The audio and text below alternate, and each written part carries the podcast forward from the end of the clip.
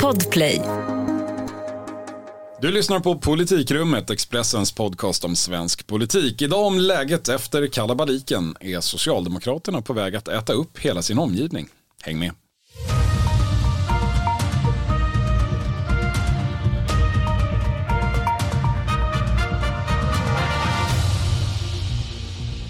Det är tisdag den 14 december och trots diverse stök och virus så har vi lyckats samla ihop ett sammanträde även den här veckan. Med i politikrummet idag Helena Gissén. Hej hej. Thomas Nordenskjöld. Hallå.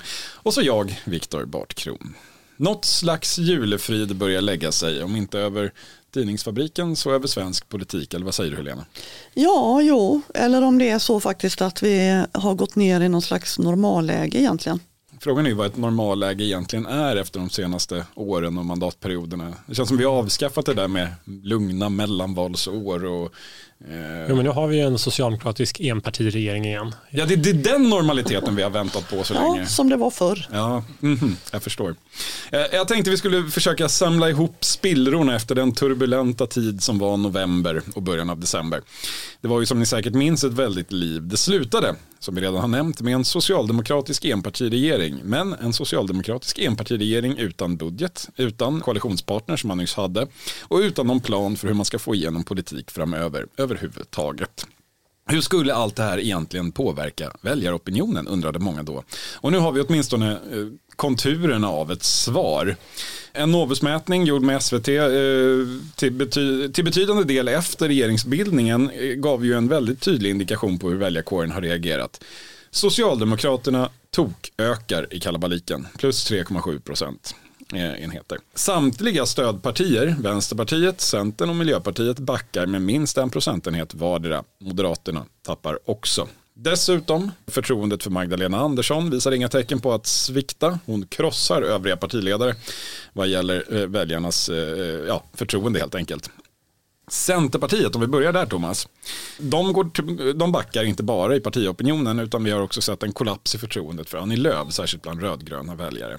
Centerpartiet har ju satt sig i en ja, lite speciell situation här någonstans i ett vakuum mellan blocken där alla är arga på dem. Thomas, hur, hur, hur känner de själva eh, inför situationen nu när eh, julens, julens eftertankes kranka blekhet står för dörren? Eh, jo men alltså jag skulle säga att liksom, när man pratar med ledande centerpartister så säger de att de hade ju räknat med att få betala ett pris för detta. Eh, så, men att det ändå var, det var nödvändigt så eh, att det hade varit värre om man hade... Och det är alltså det här att man inte röstade på regeringens budget egentligen? Ja men hela det här som alla beskriver som så märkligt och som man har liksom, liksom fick ändå till slut så kom ju liksom, fick man ändå stå till svars för att eh, ja, det man gjorde så att säga. Att eller man, inte gjorde. Eller inte man gjorde. inte röstade på det. Ja, eh, men, men det man, när man pratar med ledande centerpartister så beskriver man det som att det här var nödvändigt att alternativet då att eh, rösta på den här regeringsbudgeten och acceptera då att man blev en del i ett regeringsunderlag med Vänsterpartiet. Det var värre att gå in i valrörelsen med det hängande över sig. Då hade man också, då hade man inte tappat väljare till Socialdemokraterna utan då hade man riskerat att tappa de här äh, ändå en rätt betydande gruppen centerväljare äh, som har Moderaterna som andrahandsalternativ till Moderaterna vilket ju är ur en centersynvinkel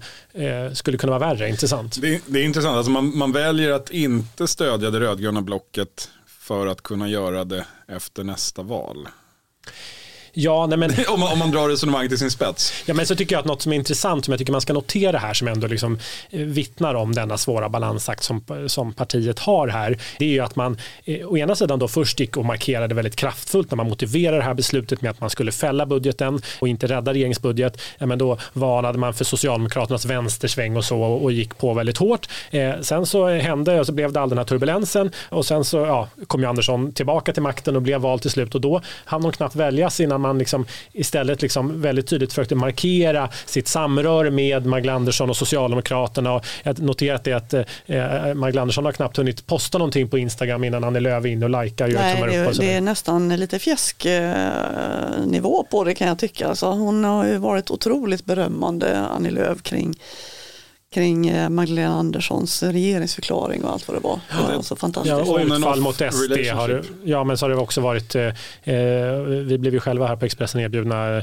någon form av utspel precis efter den här regeringsförklaringen där eh, någon från partiledningen skulle göra ett eh, hetskt utfall mot SD. Vi eh, tackade nej, vilket vi ofta gör till den typen av utspel oavsett vilket parti det kommer ifrån. Men, men det var ändå tydligt att man ville markera, det kom istället till någon annan tidning och budskapet gick fram. Man ville ändå markera här att man, det är liksom, det är... Alltså Visserligen släppte vi fram deras budget som de hade varit med och förhandlat, men vi gillade dem inte. Det var det som var eller? Nej, men det som också framförallt gör, tycker jag, då, man, man, tycker jag mig höra ibland när man pratar med ledande centerpartister att de är ganska tillfreds är att centerpartisterna hävdar att de nu eh, i det här nya landskapet som har eh, vuxit fram, de, de, får rätt. Det blir som de har sagt hela tiden. Socialdemokraterna har ju faktiskt krokat upp Moderaterna här. Den nya näringsministern Karl Petter Thorwaldsson har ju, eh, som det verkar, ska få till samtal både när det gäller den här långlivade frågan kring att bygga ut eh, Arlanda och stänga Bromma, men också när det gäller miljöprövning miljöprövningar eh, och kortade dem för nya gruvprojekt och annat sådana här ändå rätt viktiga beslut så ska det bli eh, någon form av samtal som det verkar mellan de två stora partierna. Centerpartisterna är jätteglada över detta. Den breda mitten har uppstått. ja, slut. det där är ju en intressant sak med hela Centerpartiets, alltså det, det är ju deras övergripande mål, det är lätt att missa det i den här liksom, som politiska debatten går, är ju att alltså två partier som inte är de själva ska göra upp med varandra. Så Socialdemokraterna och Moderaterna, vilket ju är en nödvändighet för att den breda mitten ska uppstå. På ett sätt kan man ju säga att de redan har lyckats med det i och med att man har tillsatt en socialdemokratisk enpartiregering som styr på en budget som ändå Moderaterna och Kristdemokraterna har varit huvudsakliga förhandlare i då i alla fall. Så då har de ju fått, man har skapat en slags stor koalition utan att de behöver prata med varandra. Men nu får de dessutom då möjlighet att prata med varandra eftersom man har gjort sig av med Miljöpartiet. Så, tror, tror ni att de kommer vara lika nöjda efter nästa val då? Att de får det här i mål? Nej, men, alltså, jag tror att det är har, har sannolikheten för att S och M ska göra gemensam sak ökat eller minskat av det här? Nej, men jag tror att sannolikheten om något för att S och C ändå är, närmar sig varandra ganska rejält återigen efter nästa val har, har ökat. Jag tycker man ändå hör mer och mer både från socialdemokrater men också ledande centerpartister hur man ändå laborerar med tanken på en SC-regering, kanske MP men framförallt SC efter nästa val. Jag tycker liksom det som framstod som, eh, som närmast otänkbart om man backar bandet ett par år är inte längre det. det är ändå så man, eh, man glömmer nästan bort hur liksom den här stora resan partiet har gjort. Man, nu var man inte beredd att ta det här stora, det liksom sista steget och acceptera ett inflytande eller ett samarbete med Vänsterpartiet. Men skulle man då sätta sig i en SC-regering, att man skulle bilda en sådan, då bygger väl det också någonstans på att man accepterar sannolikt då att Vänsterpartiet har en roll. Men det kanske man har lättare att göra i, i en, om man sitter i regeringen. Jag vet inte. Det blir ju intressant att se hur de ska få ihop den ekonomiska politiken ändå. För att där står de väldigt långt ifrån varandra. Och Miljöpartiet har ju gått långt åt vänster på senare tid också. Ja. Men det, det kommer man sedan inte runt. nej, så. nej, visst. De måste ju samarbeta med eller göra upp med Centern ja, hur som helst. Och då är kanske det är lättare att göra i regeringen. Jag vet Precis. inte. Va? Nej, nej, efter förra valet så, så var ju Annie Lööf väldigt tydlig med att de bytte regeringsmakten mot politiken. Alltså, Socialdemokraterna fick bilda regering på grundval av att de genomförde Centerpartiets politik. Om de själva ska sitta i regering och följa det resonemanget så får väl de genomföra Miljöpartiets politik. Då, men Vänsterpartiet, Vänsterpartiet är ju tuffa nu för tiden. Ja, det, men, ja. men vi ska ändå stanna där vid Miljöpartiet Helena. För de har ju varit med om en stor inre och delvis yttre resa också här de senaste veckorna. De stormar ut ur regeringskansliet, bryter upp eh, en sjuårig tid där, förlorar sitt veto, sitt avgörande inflytande och har nu dessutom, ser ut som, tappat väljare till Socialdemokraterna. Hur, hur mår man där egentligen? Hur, hur har de hunnit landa i, i, i det nya läget eller vad är, eh, hur går snacket? De säger ju naturligtvis att de har det. De håller ju god min och eh, menar att eh, nu har språkrören eh, landat i det här och nu vill man se den här nya rollen där man kan gå till val eh, som ett eget parti och hävda miljöfrågor. Men alltså, till skillnad från vad många bedömare har trott, eller vissa bedömare i alla fall, så är de ju inte glada över att ha behövt lämna regeringen. Det är ju rätt stora saker som var på gång som de nu blir av med. Till exempel så hade de en proposition på gång, hoppades de i alla fall, som de kallar för Lex primraff. Den skulle innebära att man skulle kunna stoppa alla nyetableringar av industrier som hotar klimatmålet. Den blir nu inte av till exempel. Och de är otroligt frustrerade över Socialdemokraternas blixtoffensiv i alla de här frågorna som de själva ju har blockerat. Till exempel slutförvaret gruvtillstånd i Kallak. Slu, slutförvaret av kärnbränsle då? Alltså. Absolut, och utbyggnad av Arlanda och så vidare. Så att eh, de tycker att det här verkligen visar att de var klimatets gatekeepers och eh, det är klart att det här vill de ju nu slå mynt av inför valet då. Men det kan ju bli en, en motreaktion då, men varför lämnade ni då? Var, var, det, var den där markeringen mot SDs förhandlingsinflytande över den där budgeten, var det värt det? Det är nog eftertankens kranka blekhet där också tror jag. Men, alltså, men hur finns det någon, det var helt... anar du någon ånger?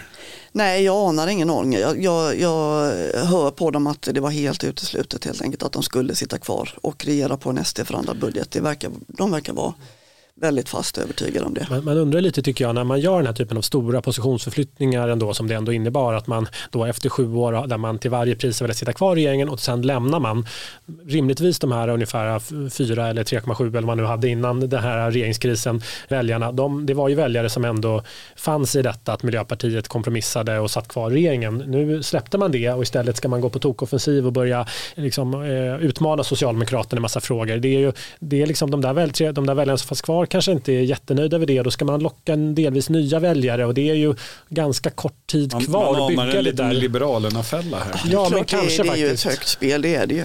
Och sen så eh, samtidigt så är det också intressant att höra dem, för de tror verkligen att Socialdemokraterna beklagar deras avhopp. Jaså? ja, trots, Vad de det trots det här att Socialdemokraterna går fram som en bulldozer mot de här, eh, i de här frågorna då kring slutförvar av kärnavfall och så vidare, så menar de liksom att eh, Socialdemokraterna inser att ju mer Centerpartiet och Vänsterpartiet bråkar med varandra och ju mer Socialdemokraterna skjuter ifrån sig Miljöpartiet desto svårare blir det för dem att få ett fungerande regeringsunderlag om det skulle gå bra i nästa val. De, de tycker synd om oss.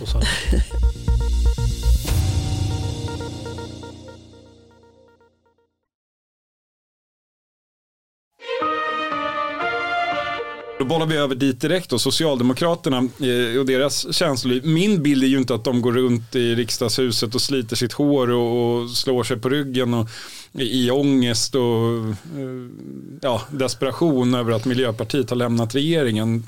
Tvärtom så anar man ju ett nyvaknat eh, Perssonskt, Karlssonskt självförtroende. Eh, det kan ju vara fel bild. Thomas, vad hör du? Nej, men det är ju precis så. Det var ju inte kanske att man tog fram champagnen eh, samtidigt som miljöpartisterna packade, men det var ändå lite den stämningen tycker jag när man pratade med och har pratat med ledande företrädare i, i regeringskansliet, alltså S-folket där. Men, eh, nej, men det har ju, alltså jag tycker att det, de, de ser ju det här som en, en, en fördel för dem när man går in i valet nu, fria i en enpartiregering. Det är alldeles uppenbart såklart. Eh, men eh, sen tycker jag också att man, man, man märker att de är liksom efter bara två, jag pratade med någon ledande så här som var eh, i regeringskansliet som närmast var helt slut på gränsen till utbränd efter två veckor på jobbet. Det har varit rätt, rätt tuff start så, men, men viss känsla av att de är lite segervissa tycker jag man märker. Samtidigt så får de ju också passa sig lite grann därför att det är ju som någon miljöpartist sa till mig, det är faktiskt en av Eh, Magdalena Anderssons tre prioriterade frågor, det är ju klimatomställningen. Så att de kan liksom inte gå fram allt för mycket som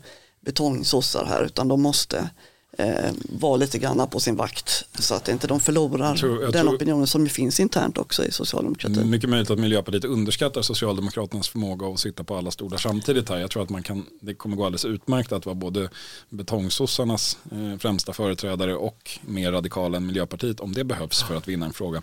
Det har de lyckats med förr. Men då, då undrar man ju egentligen oppositionen i detta. Vi konstaterade redan när det hände att det förmodligen inte alls var vad Moderaterna hade hoppats på.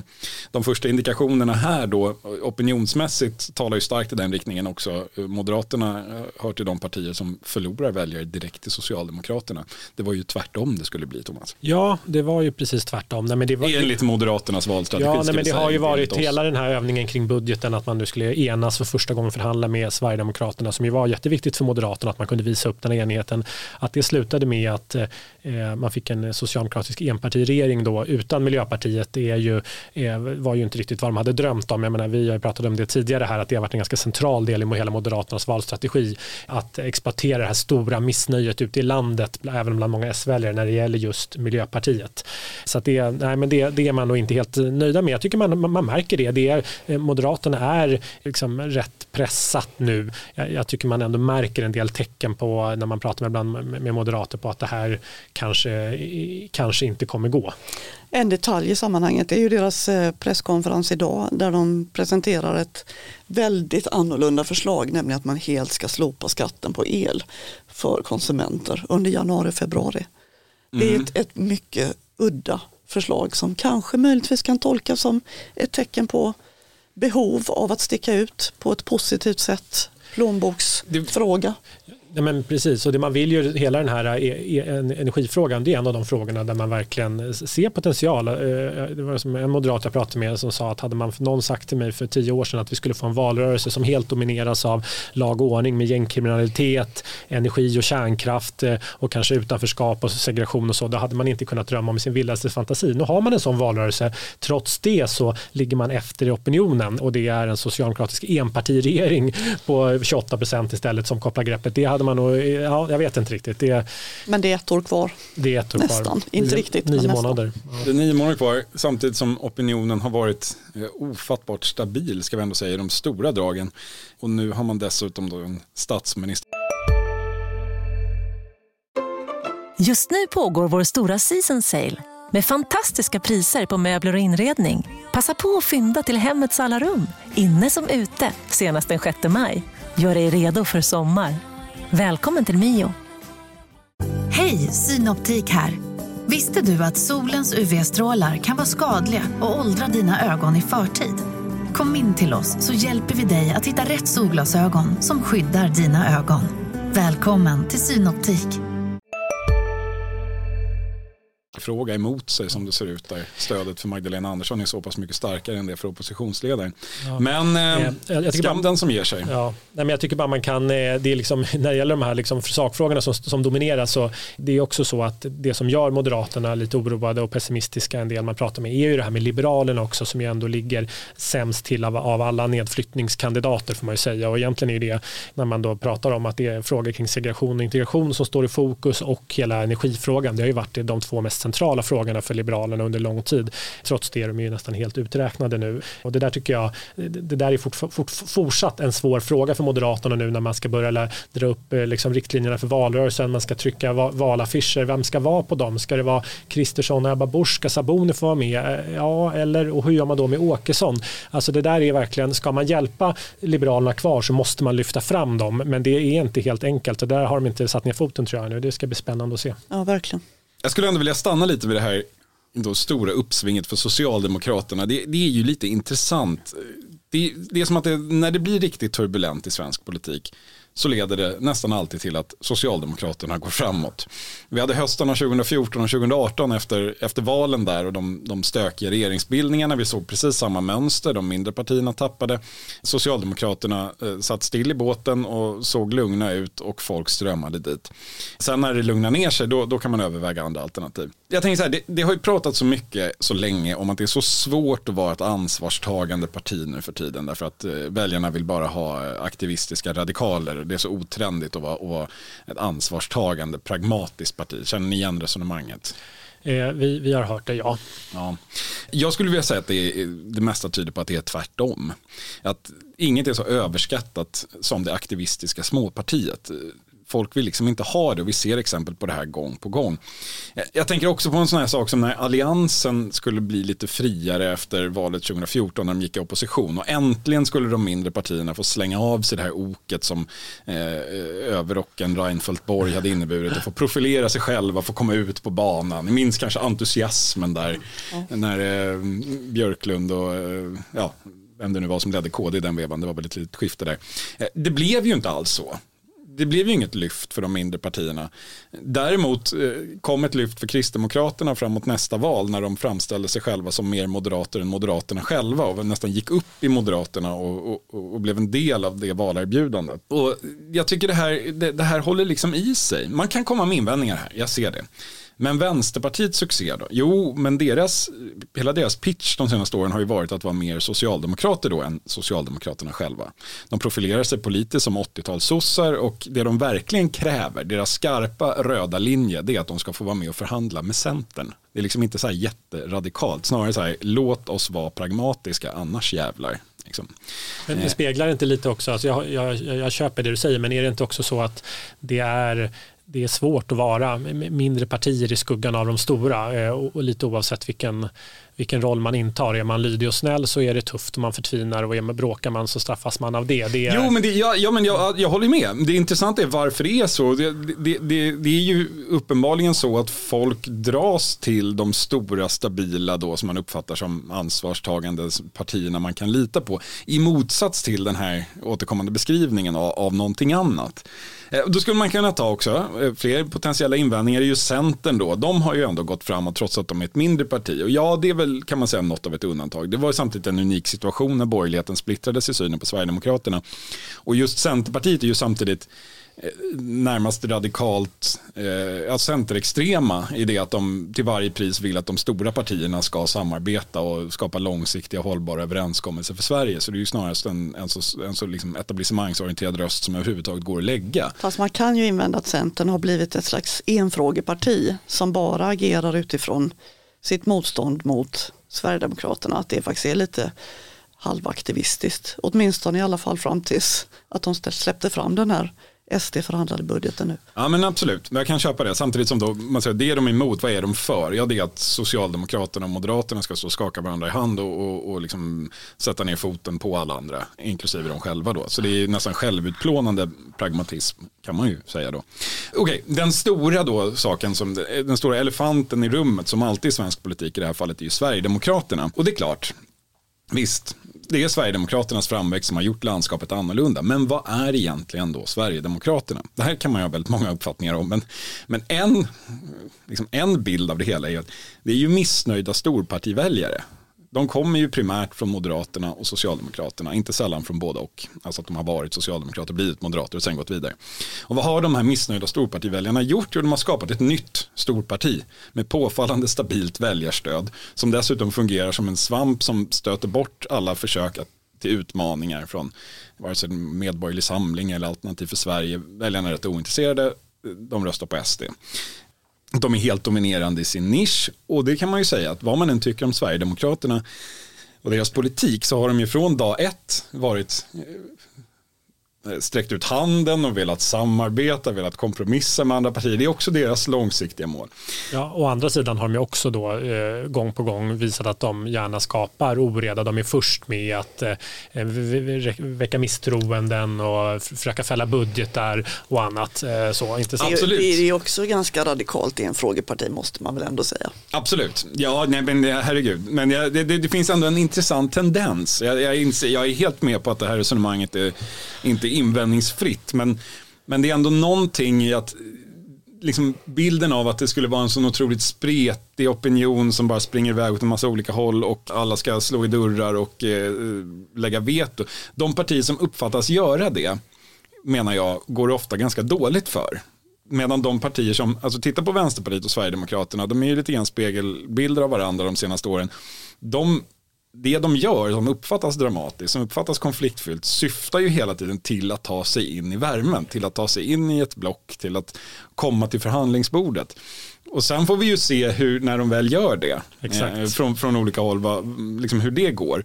Men om man ser till vad, vad vad är det folk reagerar på ute i opinionen? Vad är det som liksom gör att ett parti växer? Ja, det verkar ju inte vara att ställa sig i ett hörn och säga nej till allting. Däremot att vilja ta sig in eller vara inne, det är ganska populärt. Fast Vänsterpartiet tjänade ju bra på att hävda sin egen, eh, sina egna principer också. I somras till exempel när de fällde regeringen. Ja men det syftade ju till att komma in.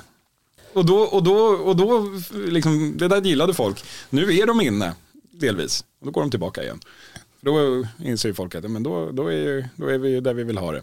Nej, men det, det, är en, eh, det är en teori, men jag tycker det börjar bli värt att, att säga för det, det blir lite konstigt när, när vi liksom år efter år har de här diskussionerna om att ja, Miljöpartiet ska lämna regeringen så att de kan växa i opinionen och så lämnar de regeringen och växer inte i opinionen. Och Alliansen ska luckras upp så att småpartierna kan få mer ljus. De får mer ljus, folk tittar på det och bara nej, vi tar Moderaterna istället. Alltså, det är ett mönster som återkommer och det, jag tycker det ändå säger något om den svenska väljarkårens pragmatiska extremism eller vad man ska säga.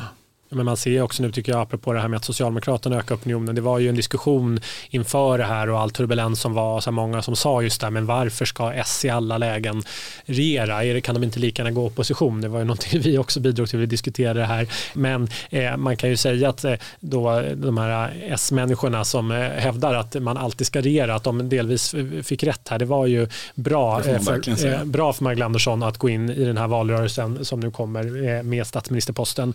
Och man ser också på Moderaterna och Kristersson att det inte alltid är så lätt och tacksamt att vara i opposition. Och hon själv är ju ett bevis för att din tes håller där. Hon är en väldigt eh, vad ska man säga, traditionell socialdemokrat på något sätt och lite småtråkig. Folk vill ha den där stabila, kompetenta, lite småtråkiga, seriösa ledartypen tror jag. Ja, det, jag tycker alla år av eh, mätningar indikerar det. Hon är ju nu uppe på nivåer som senast sågs med undantag för när Stefan Löfven plötsligt blev någon slags landsfader i coronapatriotismen under någon månad våren 2020 så, så är det ju senast Fredrik Reinfeldts heydays eh, när han var den tråkiga administratören för AB Sverige som ingen brann för men alla accepterade, eller många. Det, är ju, det, det, det, det finns något sånt och ändå lik förbaskat så fortsätter man att jaga efter någon, någon, annan trend som gång på gång vägrar materialisera sig. Jag tycker det är lite intressant. Trots allt ska vi säga det att eh, allt är inte guld och eh, röda skogar för Socialdemokraterna eh, december 2021. Dels är det ju det där med att de inte har något regeringsunderlag och inte kan få igenom någon politik som det ser ut. Det, det är ju en, eh, en detalj i det stora hela kan man tycka. Men det har ju också varit en hel del turbulens kring den regering som eh, faktiskt tillträdde med ministrar som har varit i diverse olika blåsväder Börjar det också landa, eh, Helena? Va, va... Ja, det måste man väl ändå säga. Jag tycker att det är väldigt intressant att allt det här ståhejet kring flera ministrar inte heller verkar ha skadat Socialdemokraterna. Men det är ju fortfarande så att svallet finns kvar lite grann kring de här ministrarna som råkade i blåsväder. Till exempel Thomas Eneroth som ju var anklagad för sexuellt ofredande av en kvinnlig partikollega. Där har valberedningen haft möte, ingenting läcker ut därifrån men det finns teorier då om att han kommer att petas från riksdagslistan och för att, I hemlänet då i Kronoberg? Exakt i Kronoberg och för att slippa det så finns det också teorier om att, man, att han kommer att självmant kliva av. Det där återstår fortfarande att se men, men det är en historia som fortsätter att skvalpa. Nej men det vore ju väldigt, det vore ju oerhört anmärkningsvärt kan man säga. Men han sitter i verkställande utskottet, det är en av de mest, ja, men en av de tyngsta i partiet. Som har, har suttit i riksdagen sedan 1994. Ja, på vippen och blivit, har blivit tillfrågad om att bli partiledare, blivit tillfrågad om att bli partisekreterare. Han är ju en, verkligen en central gestalt i hela den generationen nu, styrande socialdemokrater. Så det vore ju... Men kan man, kan man ha någon teori om det är så att han drar tillbaka sin riksdagskandidatur eller petas därifrån? Hur, är det hållbart att sitta kvar i regeringen då? Eller? Ja, jag skulle föreställa mig att eh, Magdalena Andersson helt och hållet bestämmer detta själv och hon har ju redan gjort sitt val kan man ju säga. Och i och med att förundersökningen lades ner så tror jag inte att det är en diskussion. Men osvuret är bäst. Han har ju fått mycket, kan man ju konstatera här, mycket uppbackning senaste tiden. Jag noterade det när han nyligen fyllde år och hans Facebook-sida fylldes av gratulationer från eh, brett i partiet. Från, så att det är ju han, Tur att han är, vi har vår huskremlolog här på plats. Eller hur? Annars då Helena, det, det, det, har ju varit flera eh, historier. Sen ska man säga, det, det, det, är en intressant diskussion också hur, hur sånt här borde, borde det här slå igenom i opinionen. Det, det kan man väl fundera på det gör det ju att, väldigt ofta inte det faktiskt. Nej, och man, kan ju, och man kan ju kanske på ett sätt tycka att det är rimligt att om du röstar på ett parti för att du vill ha en starkare sjukförsäkring, att, du, att någon inte har betalat en räkning betyder kanske inte att du vill rösta för motsatsen. Men det finns ju uppenbarligen, det finns, det finns ett uppenbart allmänintresse och läsarintresse kan vi ju eh, milt konstatera. Så, så, så någonting finns ju där och det påverkar ju såklart deras möjligheter att agera framgent i det rollen. Det fortsätter ju också svalla lite kring eh, civilminister Nida Kark Kärkkainen då, eh, i och med att eh, Expos Expos chefredaktör Daniel Pohl har skrivit och kritiserar då bagatelliserandet av ingredienserna i den här historien kring henne. Den här eh, misstänkta Hitlerhälsningen när hon var tonåring, sydstatsflaggan som figurerar i hennes omgivning där och så vidare. Och eh, en sak som jag tycker är lite förvånansvärt det är att eh, ministerkontrollen som alltid görs inte verkar ha överhuvudtaget undersökt de här frågorna. Nej, vad undersökte den egentligen kan man undra då? Du, du var ju inne och rotade lite i det här. Det, det, var ju det var, det var grejer av mycket olika karaktär som ja, kanske nej, inte hanterades. Det konstiga är att, att det påstås att det görs en väldigt noggrann kontroll men Eh, man upptäckte ju inte eh, de här obetalda räkningarna som Annika Strandhäll eh, hamnade i blåsväder för till exempel och inte heller Lydia Karkiainens omgivning som man kanske kunde tycka då att några enkla googlingar hade kunnat eh, visa någonting kring. Nu säger det... de absolut ingenting om vad, hur den här kontrollen har skötts eller vad de har gjort. Fascinerande är ju att det är liksom samma person som utsåg regeringen 2014 som utsåg regeringen nu, alltså Emma Lennartsson eh, som ju var Stefan Löfvens närmsta och numera är Magdalena Anderssons närmsta. Och då eh, efter 2014 där så fick ju, men Stefan Löfven fick ju en kritik för att han, de var för hårda och det var ju allmänt känt bland annat att Jan Larsson som hade varit valgeneral, tung ledare ledargestalt i partiet under Göran Perssons tid och sådär. Att han, han skulle bli minister och var ju liksom, det var nästan klart men åkte dit på, vad, var det nu, asfaltsläggning, mm. svart sådan. Där han sa att han inte fick betala, att, han fick ingen faktura helt enkelt Nej. utan han, det uppstod en hotfull situation ja, och då betalade han. Och sen Aida Hadzialic som sen eh, fick lämna så att det var liksom en väldig räddhågsenhet och det där var ju en kritik som fanns mot Stefan Löfven. Så då eh, bestämde man sig kanske för att nu, nu hittar vi några som har lite lagom med skandaler för att bli lite mer rock'n'roll här i den socialdemokratiska enpartiregeringen. Men man minns ju även Göran Perssons utnämningar med, med Bodström och det var eh, haschrökningar satt aktuellt och fick eh, svar på massa frågor och sådär. Att det, liksom, det, det, kanske kommer lite med, med den typen av mera oväntade namn. Eh, så. Men, men det är ändå det är lite fascinerande. Sen ska vi säga att ingen av de här ja, sakerna som de här personerna hade i bagaget behöver nödvändigtvis innebära att de inte skulle kunna bli aktuella för att vara statsråd även om man hade vetat det på förhand. Däremot hade man kanske kunnat se framför sig något smidigare krishantering eller hantering av situationen som ja, inte förvärrar den. På det, ja. ja, istället för att som Annika Strandhäll då stå och hävda motsatsen och sen överbevisas. Det där blir ju kanske mer problematiskt på vissa sätt. Hörni, det, det lackar mot jul men vi hinner med ett avsnitt till. Yes. Då tänkte jag att vi ska försöka eh, summera detta händelserika år och blicka framåt mot nästa. Men det tar vi nästa vecka. Tack för idag Thomas Nordenskjöld. Tackar. Tack Helena Isén. Tack själv. Och tack till alla som har lyssnat på även detta avsnitt av Politikrummet, Expressens podcast om svensk politik. På återhörande tisdag om en vecka, den 21 eh, december skriver vi då. Hörs då. Hej.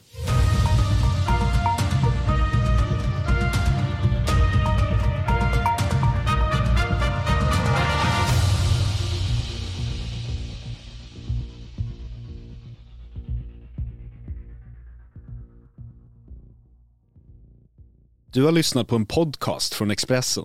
Ansvarig utgivare Klas Granström.